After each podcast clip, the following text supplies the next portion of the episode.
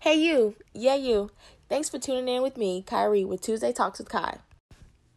Okay, you guys, so today I'm just going to talk to you guys a little bit about myself. I'm going to give you guys my purpose and what I hope that people gain from this podcast. A little bit about myself. My name is Kyrie. I am 22 years old. I am a single mom of a beautiful baby boy who is terrible. um, I am a behavioral therapist. I love my job. Um, I have a really good support system under me. I am a Christian, a woman of God. and um, a little bit on my purpose is I just hope that I can empower women. I hope that from this podcast that you guys can grow with me.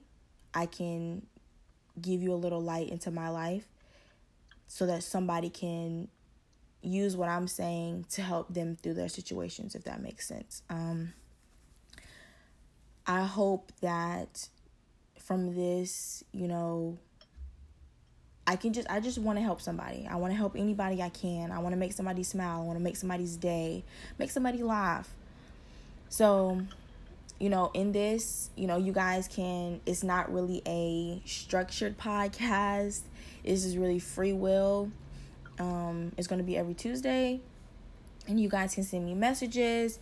You can send me, um, you can follow me on all my social medias. You can message me, DM me, PM me, whatever, whatever you want to talk about, whatever you feel like that you're going through and I can help you with. Um, I can do my best to guide you the best way I possibly can. Okay, guys, that's going to be it for my first episode. Um, thank you for tuning in with me. Um, tune in with me next Tuesday. I'm going to talk about talk a little bit about my growth in God. Um, give me some feedback on my first episode. You know, message me about your growth in God. You know, send me some comments, some questions if I can help you with your growth in God.